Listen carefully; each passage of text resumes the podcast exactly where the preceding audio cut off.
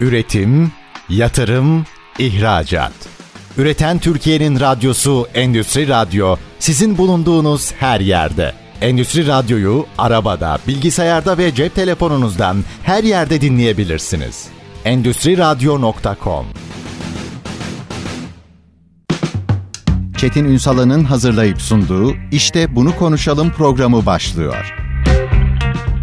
İşte bunu konuşalımdan merhabalar. Türkiye'nin gerçek gündeminde birlikteyiz. Efendim bugün aslında kişisel ve kurumsal markalaşma sanatını başka boyutuyla ele alacağız. Aslında sektörden de hepinizin tanıdığı, bizim de kıymetli bir dostumuz, yıllardır tanıdığımız bir isim o 30 yıllık birikimini bir kitaba dönüştürdü. Ve o kitabın içerisinde aslında konuşulacak çok şey var. Tabii ki hepsini de anlatmayayım değil mi? aslında o da Aynen. ayrı bir konu. Efendim kim bizlerle birlikte önce onu soralım. Mavi Çileğin Sırrı kitabının yazarı, iletişim girişimci Doret Habib. Bugün işte bunu konuşalımın konu. Efendim hoş geldiniz. Hoş bulduk. Şimdi bir kere şeye gireceğim. Bu metafora gireceğim. Fakat girişte bir ifade var. Ben izninizle orayı okumak istiyorum. Çünkü belki de bugün konuşacağımız birçok şeyi orada nefis bir girişle anlatmış ve ben bunu aktarıp oradan yola çıkmak istiyorum. Diyor ki ancak kendi özgünlüğünü bulduğunda isminle bütünleşebilirsin. Bu şahsi markanız olabilir, kurumsal markanız olabilir. Devam ediyor. İletişimde kavramların karıştığı bir zamandayız. İsmin marka değeri, kişisel imaj ve kişisel marka yönetimi de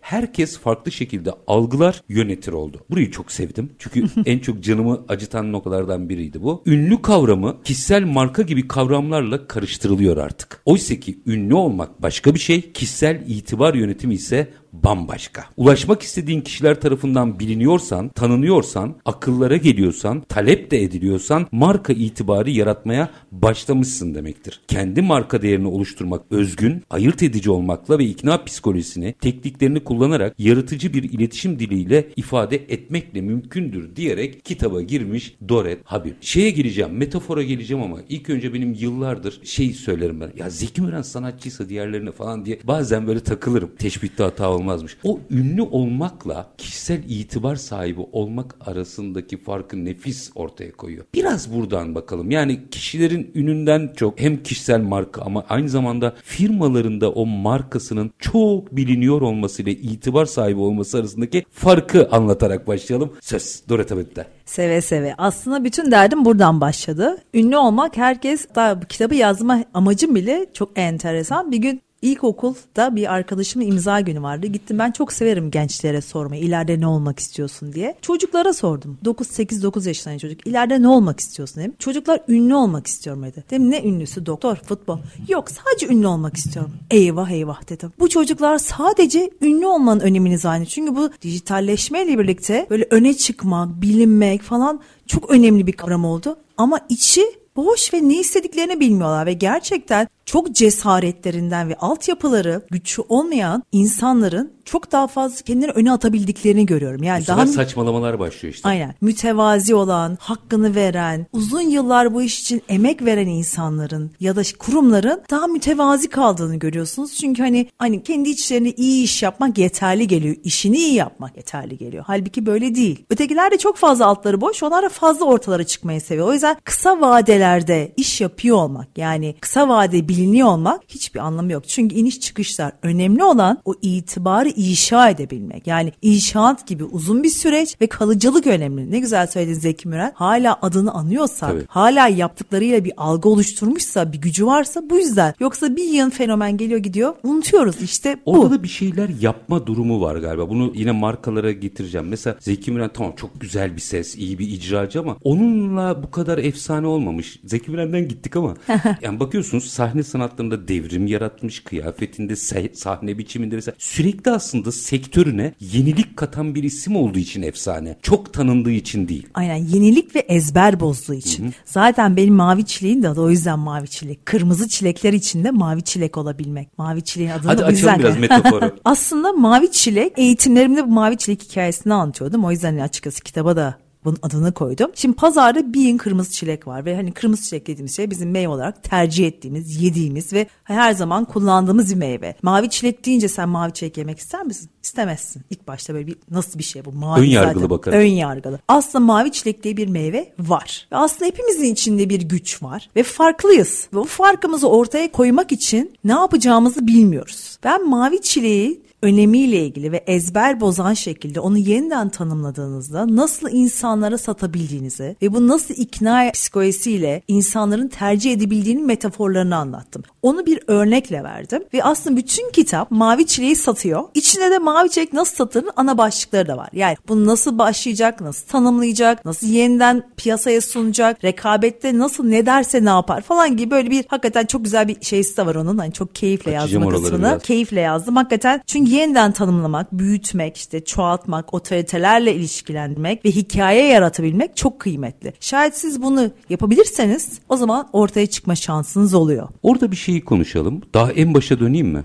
tabii. Mavi çilek üretmeye cesaret edebilmekle başlayalım ilk önce.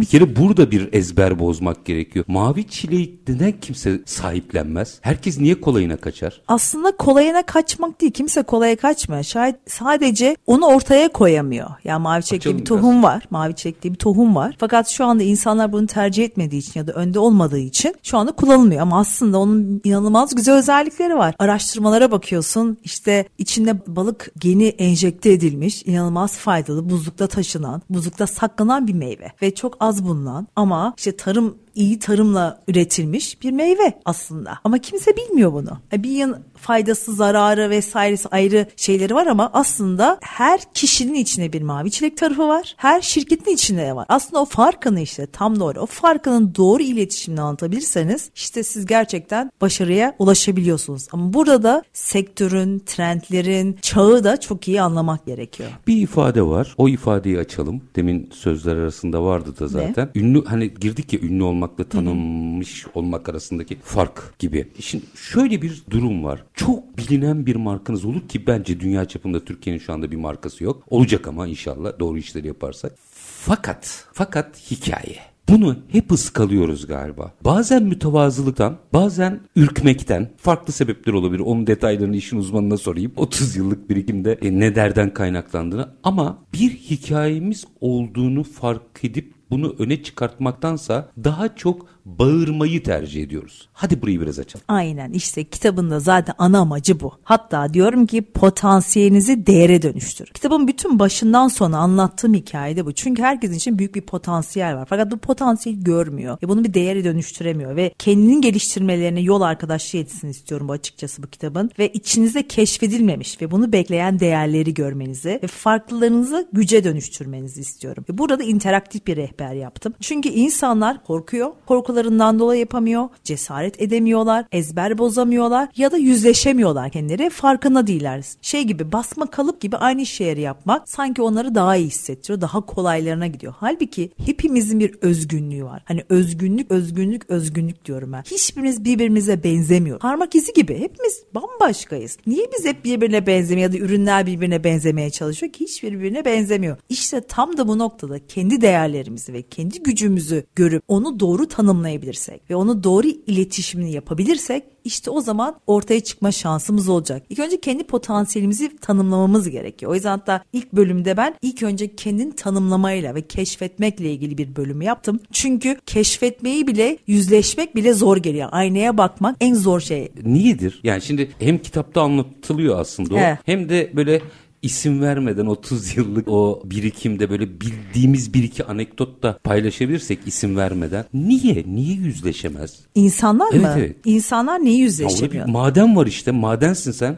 Kolay bir yolculuk değil çünkü o kendini yüzleşmek. Çünkü kabuğunu kırman gerekiyor. İçindekini bulman lazım. En zor şey insanın kendine ait. Hep dışarıya suçlamak ya da dışarıda her şeyi bulmak çok daha kolayımıza gelen bir şey. Aslında her şey bizden kaynaklı olduğunu kabul etmemiz gerekiyor. Notu Her- hoca veriyor yani. Aynen hoca not vermiyor aslında. Notu biz alıyoruz. Her zaman böyle. Fakat bunu biz genellikle kabul etmiyoruz. Hep atmayı, dışarıyı suçlamayı. Bir de bizim kültürümüzde de var bu. Hep hani başkasına bir şey yapma. Bir de hani eski köye yeni adet getirme diye bir şey var. Hep böyle biz daha sıradan olmayı, hani herkesin yaptığını yapmayı daha kolay görürüz. Onu kırmak, ona karşı çıkabilmek çok kolay değildir. Ama içimizle özdeşleştiğimizde, kendi değerlerimizi bulduğumuzda bambaşka yola gitme şansımız olabilir. Ve olumsuzluk şeyleri ben kitapta özellikle bunu anlattım. Çünkü benim hayat hikayemde de böyle bir enteresan hikayeler var. Onları da paylaştım zaten. Çünkü ben de iç, sırrım kalmayacak şekilde şeffaf şekilde anlattım her şeyi. İnsanlar başlarına gelen olumsuzlukların iyi bir şey olduğunu görmeleri bilmeleri gerekiyor. Yani hatta kitapta şey paranoya değil pronoya diye bir kavramdan Açalım bahsettim. biraz? Yani insanlar başlarına bir şeyler geldiği zaman daha "Ay, o başıma gelir mi bu gelir mi şu gelir mi falan böyle paranoya gibi böyle büyütüyorlar kafalarında. Halbuki tam tersi pronoya dediğim şey başımıza gelen her şeyin bir fırsat olduğunu görmek ve onun içindeki iyiliği görmek gerekiyor. Ve onun aslında bize çok daha büyük bir dönüşme sebep olacağını anlayıp ona sarılmak lazım. Ve hakikaten öyle yaptığınızda bambaşka dönüşümler gerçekleşiyor. Benim kendi hayat hikayemde deneyimlediklerim hep böyle gitti. Şayet ben hani her şerde bir hayır var, her başıma gelen olumsuzluk aslında benim yolumu açacak diye görmeseydim ben bambaşka bir yolculukta olabilirdim hayatımda. Biraz şunu anlıyorum. Başarı ya da başarısızlıkta analitik yaklaşmak gerekiyor. Oradan bir çıktı alırsak galiba bu artı değere dönüşüyor. Doğru mu anladım? Hepsi bir deneyim. Başarısızlık da bir deneyim, başarı da bir deneyim. Hatta başarısızlık çok daha büyük bir deneyim. Bizim belki böyle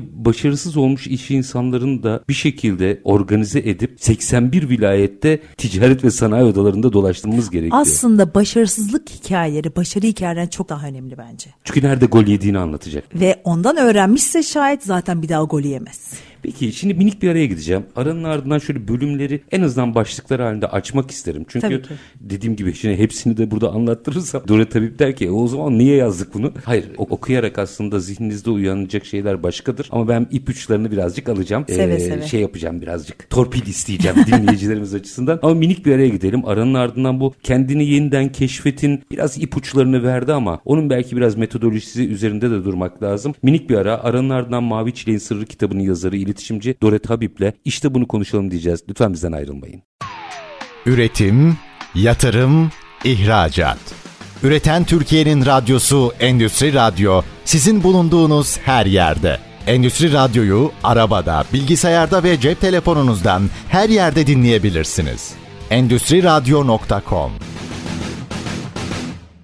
Kısa bir aranın ardından işte bunu konuşalım demeye devam ediyoruz. Mavi Çileğin Sırrı kitabının yazarı, iletişimci Dora Tabip bizlerle birlikte kitabı konuşur. Aslında kitap bir tür rehber gibi. Yani şöyle diyelim bir kitabı alırsınız, okursunuz ve onun içerisinden bir takım çıkarımlarda bulunursunuz ki ideal bir kitap okuma budur. Fakat bu mesela biraz farklı. İçinde testler var, kendi kendine bir tür kılavuza dönmüş vaziyette. Önce bir kere bunun amacı neydi? İnteraktif olarak insanların kendi kendilerini keşfedebilmeleri yolculuklarını isterim. Çünkü herkes bize danışamıyor doğal olarak. Ulaşamadığım insanların kendi değerlerini, potansiyellerini onları iade etmek isterim. Çünkü gerçekten çok başarılı insanlar var ve çok güzel işler yapıyorlar. Fakat bu başarıların görünür olmasını istiyorum ve gerçekten bu nasıl ifade edecekleri, nasıl bir yol haritası çizmeleri gerektiği, kendini nasıl ifade edecekleri, nerede ifade edecekleri, ne zaman ifade edecekleri, kimle edeceklerini bilmiyorlar. Ve bilmedikleri için böyle hani var ya hani en kısa yol neresidir bilmediklerinden zaman kaybediyorlar. Ve belki bir gün gelecekler, belki de gelemeyecekler. Bunların kaybolmasına çok üzülüyordum. Ve bana gelen işte, işte kariyer hayatı ile ilgili öğrencilerden tut, girişimciler. Görüyorum ki iş çok güzel şeyler yapıyorlar. Gerçekten çok başarılı işler var. Fakat bilinmeyince benim Betül Mardin'in bana öğrettiği çok güzel bir şey vardır, bir söz vardır. Ormanda bütün kuşlar öter. Ama sen hangi kuşun ötüğünü duyarsan senin o güzel kuştur. Ya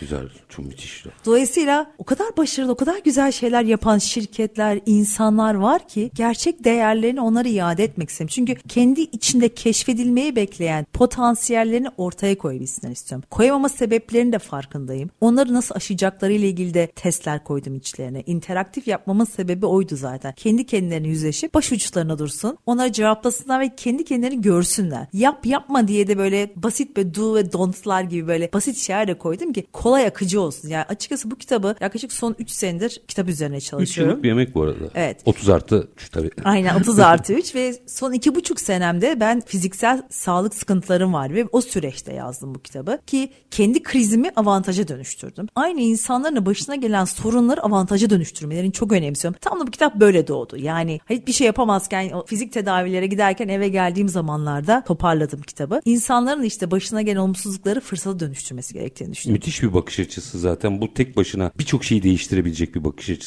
Peki yine baktığımızda şimdi değişen dinamikler var. Onları da geleceğim ama biz ilk önce bir kere şu kırılma anını bir halledelim. Çünkü birincisi iki tip fotoğraf var ortada. E, Bir iletişimci olarak yıllardır muhtemelen birçoğuna denk gelmişindir. Müspet ve menfi. Birincisi olduğundan çok daha büyük görme kendine. Şimdi bir söz sarf edeceğim. Bu iki taraf için de geçerli. Bizi bilen biliyor. Bu kendini olduğundan daha yüksek görmeye de neden olabiliyor. Bizi bilen biliyor gerçekten çok kıymetlidir. Şeye geliyor ya fazla da ortaya çıkmayalım. Muhsin Ertuğrul'un çok sevdiğim bir sözü vardır. Fazla da mütevazı olma inanırlar der. Şimdi bu, bu iki cephe açısından bizi bilen biliyoru bir konuşalım mı? Evet aslında işte çok mütevazi olanlar, altyapıları çok güçlü olan insanlar çok ilginç şekilde. Fakat burada aslında herkesin sizi bilmesi gerekmiyor. Aslında bilinmek, itibar dediğimiz şey ya da marka değeri yaratmak dediğimiz şey herkesin sizi bilmesi değil. Önemli olan sizin yaptığınız işe bedel ödeyecek. Hedef kitlenizin sizi bilmesi demek. Dolayısıyla onların gözünde o paydaşları, o hedef kitleyi net tanımlarsanız onun gözünde bilinmesi ya bizi bilen biliyor dediği aslında şayet kendi iş yaptığı alan içinde yeterince itibarlı ve güvenilir ve onlarla etkileşim halindeyse sorun yok. Herkesin bilmesi gerekmiyor. Her iş herkesin bilmesi gereken bir sektör değil. Önemli olan B2B'de özellikle hedef kitlenin bilmesi lazım. Belli bir süre sonra tabii ki daha fazla itibar için daha geniş kitlere ulaşmak faydalı olur ama önemli olan senin yaptığın işe bedel ödeyecek insanların seni biliyor olması. Sonrası prestij tanıtıma girer. Aynen. Ve de düzenli. Yani bir kere iş yapmak değil. Önemli olan güven çok kıymetli bir şey. Güveni düzenli tahsis edebilmek için devamlı iletişimde bulunmak gerekiyor ve hiçbir zaman durmamanız gerekiyor. Yaptığınız şeyler birbirini beslemesi gerekiyor. İşte güven öyle tahsis edilebilir. Aksi takdirde bir kere bir şey yaptın, üç kere yaptın olmaz. Önemli olan sürdürebilir olması ve devamlı olması gerekiyor. Yani bir kere yaptınız, sizi duydular. Duyulmakla tanınmak arasında da fark var değil mi? Şimdi duyulmak demek nasıl diyeyim? Duyuru gibi. Hani duyurdunuz. Tellal ne tellal tellak denir değil mi? Yani telegraf gibi yani duyuruldu. Bitti. Ama benim bahsettiğim şey düzenli olarak Tellal. paydaşınıza bir fayda yaratacak. Çelişkide kaldım da tellal. paydaşınıza fayda yaratacak bir şey çıkartmanız önemli. Yani paydaşınızın faydasına olan bir şey. Düzenli ona onun tercih etme sebebi. Yani aslında sizi tercih etme sebebini onlara verip düzenli onunla beslemeniz gerekiyor. Peki şimdi şurada iki nokta var. Birincisi kendini yeniden keşfet. Bu sanıyorum bir süreç. Fikir keşfetmeye nereden başlaması gerekiyor? Oradan bir sorayım. Böyle başlıklar halinde bölümleri açacağım ama. Keşfetmeye önce kendi değerlerini görmesi gerekiyor. Yani kimsenin diğerine benzemesin ana sebeplerinden biri kültür ve değerlerimiz ve de aldığımız altyapı yetenekler ve bizi biz yapan aslında becerilerimiz, güçlü yanlarımız. Aslında kendini tanımlayacağı ana yer orası. Peki kendimi keşfettim ama yeterli görmem görme duygusuna nasıl geleceğim? Çünkü şöyle bir durum var ne yazık ki. Birçok sektörde görüyorum bunu. Ya evet ben buyum ama ya o da baksana daha çok ciro yapmış. Demek ki onunki doğru deyip kendini terk edip o yolda başarısızlık yaşayan çok firma gördüm. Bunu nasıl dengeleyecek? Aslında işte kendi gücünü fark etse, ona odaklansa ve onu geliştirse dışarıya bakmayacak. Kendi gücüne yatırım yapması önemli. Kendi yaptığı çalışmalara, argesine, kendi ürününe, inovasyonuna, kendi yoluna gittiği zaman hakikaten mesela bizim benzer şekilde bir müşterimiz gelmişti hatırlıyorum. Salça ve bezelye satmak istiyordu. Aynen pazarda en çok salça ve bezelye satılıyor dedi bize. Evet ama herkes salça bezelye satıyor dedik biz. Bununla iletişim yapamazsın çünkü bu yoldan çıkmak çok zor. Çok para harcaman lazım. Öyle paralar bütçelerde biliyorsun. Kubilerde yok öyle. O zaman ne yapalım dedim. İnceledim onları. Onların özgün tarafını buldum. Onların özgün tarafı Balkan göçmeniydiler. Balkan mutfaklarının özgü de ürünleri vardı. Hikaye. Hikaye yarattık. Hikayeden sonra baktım pazar araştırması yap. Araştırma pazar araştırması çok kıymetli bir şey. Araştırma araştırma araştırma diyorum. Yani ölçme, biçme, değerlendirme. Pazarda gördüm ki insanlar aslında zamanları çok az. Hızlı yemek yapmak istiyorlar. Eve geldiklerinde çalışan insan hayatı çoğalmış. Herkes 3 dakikada 5 dakikada yemek yapmak istiyor. İstemiyor kimse saatlerce uğraşmak. O zaman dedim ki onlara size hızlı yapabilecek neler olabilir? Ve onların o ürünlerini aldım. O ürünlerle 3 dakikada 5 dakikada olabilecek ürün çeşitleri yarattık. Ve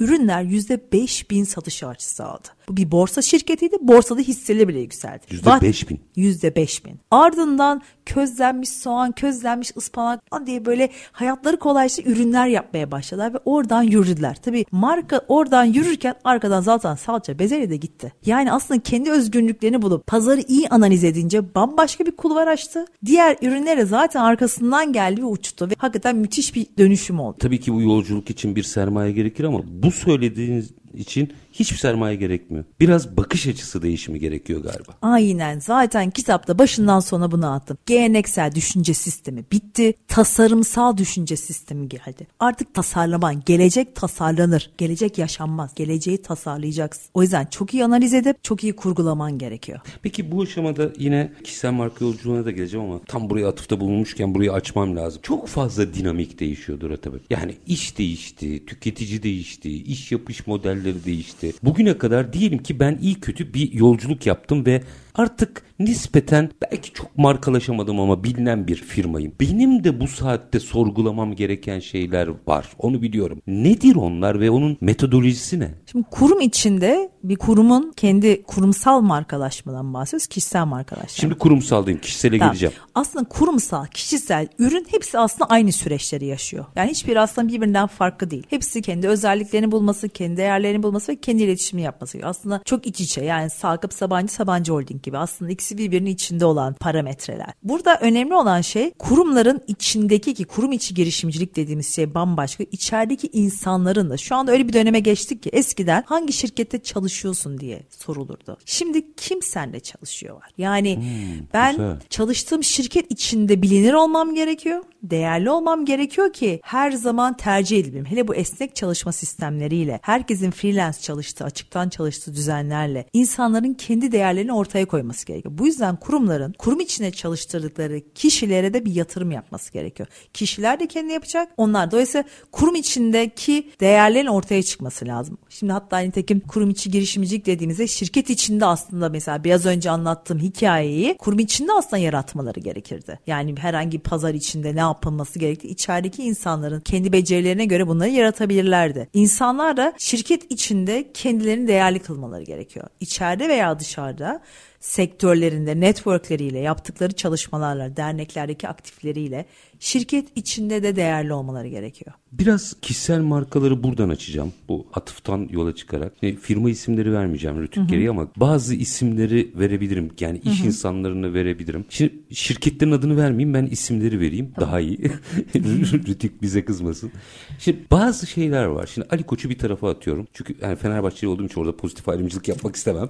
Diğer iki isim mesela rahmetli Özdemir Sabancı. Baktığımda benim için Nur için de yazsın bu arada vizyondu. Yani herkes Sakıp Sabancı'yı çok iyi tanırdı ama Özdemir Sabancı bir vizyondu. Bakın şirketlerinden ari ama bunların şirketlerine etkisinden bahsetmeni rica edeceğim. Bülent Eczacıbaşı Atın firmasını bir kenara. Tabii bu benim tamamen şahsi fikrim başkası için de başka algı olabilir. Yorumlayalım diye soruyorum. Ya mesela benim için klas demek. Şimdi bunların kişisel markası aslında firmaların da öteye atan, nitelikli hale getiren bir yapıda. İşte bu ilişkiyi biraz açmak lazım. Aslında aynen tepedeki insanın vizyonu, CEO'nun vizyonu aslında şirketin vizyonu oluyor. O ne kadar donanımlı, o ne kadar birikimli ve ne kadar ekip anlayışına yatkınsa şirkette öyle oluyor. Şayet Bülent Eczacıbaşı gibi kültürlü, entelektüel bir yapıda kendisi olması zaten bu tarz sanatsal etkinlikleri vizyonundan dolayı şirketlerini sokuyor. Yoksa bilmese, önemsemese bunu yapamazdı. Özdemir Sabancı ekip anlayışına uygun bir insandı. O yüzden aile için çok güzel dinamik yarattılar. O da ona göre arkada farklı şeyleri yapıp geride kalarak farklı şeyleri toparladı. Yani aslında şirketlerin başındaki CEO'lar şirketlerin aslında çok çok önemli bir durumları. Ve CEO'lar şayet kendilerini iyi anlatamazlarsa şirketlerini de iyi anlatamazlar. Doğru. O yüzden CEO'ların kendi iletişimini yapmaları aslında şirketler için çok kıymetli. Yani iyi bir iletişim yapmayan CEO şirketini de anlatamaz. Demek ki ilk önce yöneticilerin kişisel markalarını yönetiyor olması lazım. Evet.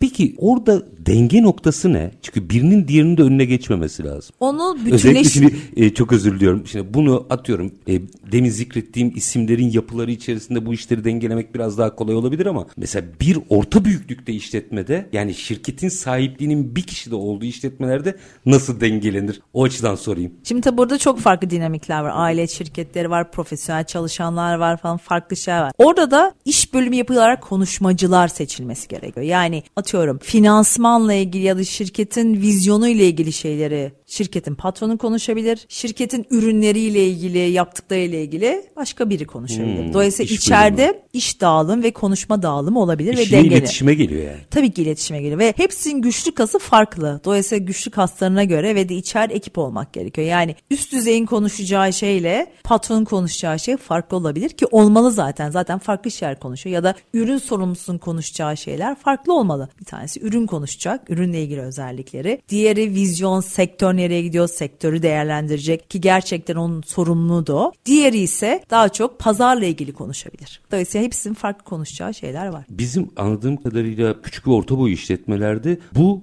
uzmanlıkları oluşturmamız gerekiyor doğru mu? Yani işte bir gün pazarlama konuşan, ikinci gün finansman konuşan, üçüncü gün piyasa konuşan patronajdan çıkarmamız gerekiyor. Marka olacaksa işletmeler. Aslında çok fazla baş olması şirketlere faydalı değil. En fazla iki tane olmalı. Üç tane, dört tanesi iş karıştırır. Çünkü neden? Bütünleşik olmak çok önemlidir. Yani bir şirketle ilgili bütünleşik yapılan çalışmaları, vizyon ve misyonlarını ortak dille anlatılması gerekiyor. Çok fazla baş olduğu zaman onu koordine edebilmek çok kolay olmayabilir orta ölçekli şirketler için. O yüzden en fazla iki baş, genellikle bir baş tercih ediliyor. Yani bir kişinin konuşması. Çünkü hem kontrol açısından hem stratejik açıdan çünkü bazen söylenmemesi gereken şeyleri söyleyebiliyorlar ki bununla ilgili biz eğitimler de veriyoruz. Yani çok bilgili olmak bazen off the record şeyleri ağızdan kaçırabiliyorlar. Daha olmamış şeyleri söylemek söyleyebiliyorlar. Dolayısıyla gerçekten kontrollü ve şirkete hakim olan insanların doğru teknikleri alarak ne zaman ne diyeceğini, nasıl konuşacağını ki kitapta bunları da yazdım. Ne zaman ne diyeceğini, nasıl bunları çevirebileceğini, istemediği bir şey geldiğinde nasıl bağlaçla aslında şu açıdan bakmama izin verirseniz diye konuyu dönüştürmesi gerektiğine varıncaya kadar onu yönetebilme tekniklerini de anlattım Müthiş. kitapta. Hatta Süleyman Demirel'i incelesinler bence.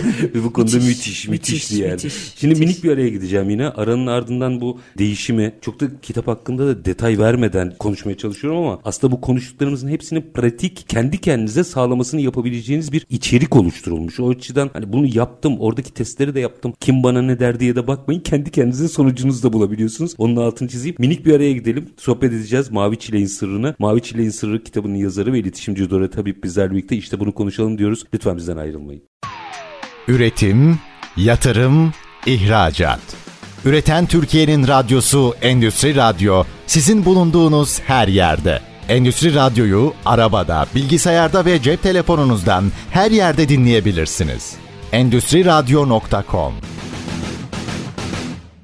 Kısa bir aranın ardından işte bunu konuşalım da tekrar sizlerle birlikteyiz efendim. Mavi Çileğin sırrını konuşuyoruz. Kitabın yazarı ve iletişimci Dore Tabip bizlerle birlikte. Şimdi burada bir mesele daha var. Yani 5. bölümde böyle atlaya atlaya gidiyorum. Çok kopuk kopuk konuşuyor demeyin ne olur sevgili dinleyicilerimiz. Alıp okuyacaksınız ki sonrasında kendi kendinizin testini yapacaksınız. Ama en azından başlıkları halinde bazı ipuçlarını almaya çalışıyorum Dore Tabip'ten. Günceli takip et sürdürülebilir ol. Şimdi ben bunu çok önemsedim. Niye? Alışıla gelmiş düzen içerisinde gerçekten çok başarılı işlere imza atmış. İyi kötü bir marka yolculuğu yapmış ve imajı olan bir firma açısından bile bütün ezberlerin bozulduğu bir süreçteyiz. Şimdi o zaman sıfırdan marka yaratıyorsanız ve doğru işleri yapıyorsanız işler bence daha kolay.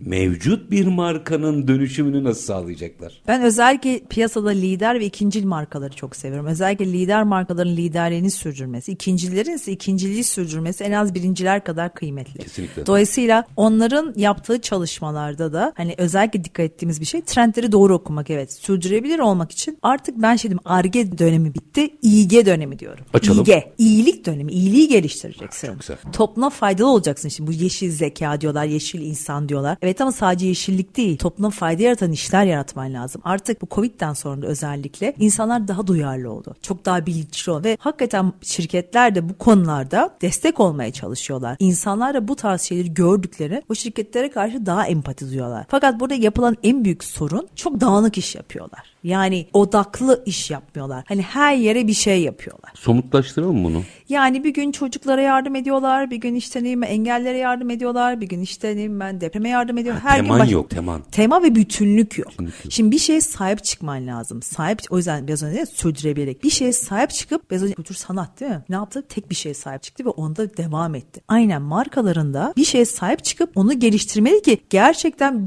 bütünleşme ve sahiplendiği için de ve misyonuyla birlikte örtüşebilsin. Dolayısıyla sürdürülebilirlik demek sahip olduğun iyi dediğim hani iyilik için yaptığın ve topluma faydalı olan şeye sahip çık. O sahip çıktığın şeyi de sürdürebilir devamlı yap. Yani bir gün yap bir gün bırakma yani. Yani Yıllarca bir sürdür. takipçisi ol. Doğru anlıyorum Aynen, takipçisi yani, ol. İşte engelli bireylerle ilgili olabilir, çevreyle ilgili ama bir şeyde uzman olmak gibi yani bir şeyin o senin işin olmalı. Doğru mu? Aynen. Bunu herkes kendine göre mi bulmak zorunda? Aslında şirketlerin kendi yapılarını gene özgünlüklerine göre bu zaten doğal olarak var. Yani atıyorum siz bir şey yapıyorsanız atıklarla ilgili bir iş yapıyorsanız atık ve geri dönüşüme destek olmanız gerekiyor. Hani yaptığınız ürün sektör zaten size bunu gösteriyor. Ama bu demek değildir ki bunu reklam için kimse yapmamalı. Zaten o çok bariz anlaşılır. Gerçekten faydalı olduğunuz şeyi ve sektörünüzü eğitici şekilde yapmak lazım. Bazı yerlerde gençlere yatırım yapmak, öğrenciye yatırım yapmak, eğitim eğitmek ki özellikle orta ölçekteki şirketlerin eğitime çok önem vermesi gerekiyor. Çünkü hem ürünüyle ilgili eğitmesi lazım hem pazarda bir farkındalık yaratması gerekiyor. Dolayısıyla eğitim seferberliği de çok kıymetli. Yani meslek yüksek okullarından tutun yaptığı çalışmalarda onlar da çok kıymetli. Yani inle engelliye çocuğa değil meslek eğitimine tabii. destek olmak önemli ama devamlı yapsınlar. Demek istiyorum kurslar açsınlar. Mesela biz bir tane yapmıştık. Usta eğitimi yapmıştık. Usta sertifikalı usta yetiştirmiştik. Yani bu da çok kıymetli bir şey. Ama bir kere değil iki sene değil devamlı yap bunu. Yani yaptım ben 5 sene bitti. Öyle bir şey başlamalı ki devamlık. Ama en büyük sıkıntı ne oluyor burada? Buna uygun insan kaynağı içeride tutamayabiliyor şirketler. Çünkü bunu devam ettirmek için bununla ilgilenecek de içeride yeterli insan kaynağı olması lazım. Ekipler mi oluşturulması Evet. gerekiyor? Evet, bunu takip eden içeride ekipler olması gerekiyor ve buna da en başta baş koyacak da üst düzey olacak. Üst düzey inanırsa şayet o zaman devam ediyor tabii ki. Üst düzey inanmazsa e, şansı yok. Biraz galiba kişiliklerle de doğru orantılı. Şimdi yine bir isim daha anayım burada Allah rahmet eylesin. Hasan Yelmen. Markasını çoğunuz biliyorsunuzdur ama hiç önemi yok. Mesela ben Hasan Yelmen ne zaman aklıma gelse deri sektöründe yaptığı mesleki yatırımlarla 3 kuruşu varsa gidip okul açmasıyla hatta gidip orada öğretmenlik yapmasıyla andım hep onu. Yoksa bir an marka, marka gelir geçebilir ama bu, bu değil midir marka işte? Aslında işte o güven duymaktır, sektöre yatırım yapmaktır, iyi insan kaynağı yetiştirmektir. Bunların hepsi aslında uzun vade ona geri döner. Çünkü desteklediği için onları ve kendi derisiyle ilgili bilgi verdiği için zaten uzman oradaki öğrenci onu görür. Ve çıktığı zaman da zaten bütünleşik bir şey olabilir. Mühim olan sektörünü iyi eğitmen lazım ki sektörü iyi bir yere gitsin. Eğitmezsen sektörünü iyi bir yere gitme şansı yok. Eğitim o yüzden KOBİ'ler için çok kıymetli. Bilinçlendirme, farkındalık ve eğitim. Bazılarına eğitim vermezseniz bilinçlendirmeniz gerekir. Ürününüzü tercih etmeleri için. O da bir eğitimdir. Bilinçlendirme kampanyaları yapmanız lazım. Bir iletişimciyi hazır yakalamışken bunu da sorayım. Sar. Şimdi tabii ki çok doğru ve düzgün yapanlar var bunu. Bu markalaşma yolculuğu bir konuda iyilik e, elçisi olması veya taraftarı olması. Şimdi kimseyi de üzmeden bunu nasıl sorayım? Bir şeyler anlatanlar da var. Ya bizim basın mensuplarının her gün mailler düşüyor. Hocam samimiyetsizce yapılanlar samimiyetsiz olduklarını anlaşıldığının niye farkında değiller? Bunu yönetmek bir uzmanın işi bence. O nasıl dengeleyeceğiz o işi? İşte aslında burada asıl sıkıntı samimiyetsizlik aslında hissedilen bir şeydir. Ve uzman biri olmadığı zaman onlar yapmış olmak için yaparlar. Dediğim gibi bütünleşik yapılmaz, göstermek için yapılır ve amaca da gitmez. Boşa da gider ve o paraya da yazık o yapılan çalışmaya da. Ben çok üzülüyorum bazen. Gerçekten öyle saçma sapan paraları saçma sapan yerlere harcıyorlar ki onları toparlasa çok daha böyle anlamlı, bütünleşik böyle odaklı bir şey yapsalar çok daha faydalı ve sürdürebilir olur ama bilmedikleri için ne yapacaklarını bir şey yapmış olmak için yapıyorlar. Samimiyetsizliklerinden değil. Ne yapacaklarını bilmedikleri için yapıyorlar. Ha, o görüntü samimiyetsiz bir Evet. fotoğraf veriyor. Evet çünkü bilmiyorlar ne yapacaklarını. Burada da onu da, onu da yazdım. Yani kişiler de kurumlarda neye odaklanması gerekiyor? Nasıl iletişim yapması gerekiyor? Ne zaman, nerede, nasıl, kime? Bunların hepsi bir bütünleşik bir şey çünkü. Tek başına ben kendime hep orkestra şefi derler bana. Yani aslında orkestrasyon önemli. Tek başına bir şeylerin çalması hayır. O yüzden samimiyetsiz geliyor çünkü bütünleşik değil ve hiçbiri birbiriyle uyumlu değil. Amaç da hasıl olmuyor zaten. Evet, amaca ulaşamıyor. Doğru. Peki burada kriz dönemleri veya sorunlu dönemleri iyi değerlendirmek ve fırsat çıkartmak atfını yapmışken aynı zamanda bunun da bir dönüşüm dönemi olduğunu düşünürsek dünya ekonomisinde sektörlerde vesaire. Şimdi bugün aslında kitapta herkes kendi payını onun dersini çıkarabilir ama ben ortalama bir şey sorayım en azından fikir vermek babında. Bugünü ben bir firmanın yöneticisi olarak nasıl okuyup yarına ilişkin markalaşma yolculuğuna katkı sağlayarak markalaşarak değil. O çok kolay bir işte değil galiba. Tabii ki İki çok uz- cümle çok uzun onu da vadeli, açarsak çok sevinirim. vadeli. Markalaşma yolculuğuna katkı sağlayarak geçiririm. Onun da biraz ipucu. Zaten kitapta Dore tabii neredeyse hani ya bana gelmeze gerek yok. Hepsini anlattım falan gibi bir durum var ama hani Aynen. buradan da bunu verelim. Öğrenelim. Öğrensinler çok isterim. Aslında marka iletişiminde biz öncelikle şirketlerin başına gelebilecek en kötü senaryoları yazarız. Yani bir yolculuk esnasında kriz dediğimiz şey aslında başına gelebilecek olumsuzluklardır. Ne olabilir? İşte insan yaralanabilir, yangın olabilir, ne bileyim ben deprem olabilir, biri öldürülebilir gibi gibi bir ton olay olabilir. Bütün sorunlara karşı her şirketin, her işletmenin farklı sorun olabilir. Onlar uygun senaryolar yazarız biz. O senaryolarda da ne demeleri lazım, hangi hızla hareket etmeleri gerekiyor, ne zaman kim konuşacak ve o bilgiler o esas. Çünkü bir yangın olduğu zaman içeride kimden bilgi alınacak, kime bilgi verilecek? Hani yaralılarla mı ilgilenecekler? İşte itfaiyeyle mi ilgilenecekler? Basınla mı ilgilenecekler? Kimle nasıl ilgileneceklerini o an panik olmaması için önceden ben bütün senaryoları yazarım. Ve bütün bunların hepsini eğitimini veririm. Herkese yani kapının önünden CEO'ya varıncaya kadar bütün front deskimiz hani telefon açan insana varıncaya kadar ne yapması gerek ne yapmaması gerek. Şayet siz sorunları da krizleri önceden öngörebilirseniz ki bence gelecek öngörülmesi tasarlanır dememin sebebi bu. Tasarlarsanız bir sorun olduğunda Z zeytinyağından kıl çeker gibi onu çıkartırsınız ve bir kriz olmadan çıkar. Dolayısıyla bu süreçleri önceden çok iyi programlamak lazım. Yani müşteri ilişkilerine gelen telefon sorunlarından tutun ve şirketin yaşayabileceği her sorunu önceden düşünmeniz, planlamanız önemli. Hatta ben Kraliçe Elizabeth'in şeyinde cenazesinde anlatmıştım bunu. Çok daha önceden o 12 gün tek tek planlanıyor. Tabii yani her şey planlı programlı. Yani şirketlerin de bunu en az onlar kadar iyi yapabiliyor olması lazım. Çünkü onların çok daha önemli. Kim ne yapacak, ne diyecek, ne yapmamalı yapmamalı, neye dikkat etmeli, telefon numaraları, acil olduğu zaman hani hangi bilgiler lazım? Çünkü hakikaten panik halinde ne yapacağını insanlar çok doğal olarak bilemeyebiliyor. Ama önceden bir guideline'ınız varsa, bir takımınız varsa o zaman daha kolay olabiliyor bu işler. Yani vaka sırasında ne yapacağız sorusundan çok çok ne yapacaktık sorusunun sorulması gerekiyor anladığım kadarıyla. Evet. Peki yine bir boyu daha belki bu da hatta bence yeni kitabın konusu olabilir. Ben sorayım Dore tabii evet. yanıtlasın. Şimdi öyle bir dönemdeyiz ki akıllı bir firma yaşlanan Avrupa gerçeğini ama marka olan Avrupa gerçeğinde doğru okursa ve doğru yatırımları yaparsa diyelim ki Avrupa'dan kendi konusuyla ilgili bir markayı da satın alabilir. Hı hı. Şimdi ezberi burada bozalım. Eğer marka benimse, hikaye benimse yolculukta ne yapacağımı biliyorum. Hı hı bir başkasının markasını satın almaya kalktığımda stratejim ne olmalı? Orada da ben o şirket birleşmeleri diyoruz biz. Şirket evet. evlilikleri diyoruz buna. İkisinin ortak vizyonunu birleştiriyorsunuz. Nasıl harmonize olur o? Onun için ilk önce takımlar bütünleşiyor. Çünkü ikisinin de farklı ürünlerle ilgili genelde birbirini tamamlayan şirketler oluyor bunlar. Genellikle alakası şirketler oluyor. Birbirini tamamlıyor. Dolayısıyla aslında güçler birliği oluyor. O güçler birliğini de doğru toparlarsanız inanılmaz bir bütünleşeye gidiyor. Ama bazen içerideki eleman değişikliği onun onu atıyorum onda var e, insan kaynağı ötekisi insan kaynakını çıkarıyorlar. Hani böyle şeyler olabiliyor ama toparlandığı zaman o ikisi pazara daha büyük bir domine güç oluyorlar. Dolayısıyla aslında hmm. çok daha büyük bir güç bu ve bunun iletişimini yapmak aslında iki tarafa da çok büyük bir fark yaratıyor. Dolayısıyla yani faydalı bir şey. çıkarıp güçlü yönleri birleştirip sonra oradan tek bir marka mı çıkarmak e, lazım? Marka diye oradan özgün bir söylem çıkartmak gerekiyor. Aha. İkisini bütünleştirip ikisinin özgün söylemini ayrı bir özgünlük yaratmak lazım. Müthiş. Bu arada bir daha hatırlatayım efendim destek yayınlarından çıkmış Mavi Çileğin Sırrı. Onu hatırlatayım. İki dakikam var. İki dakikada şunu sorayım.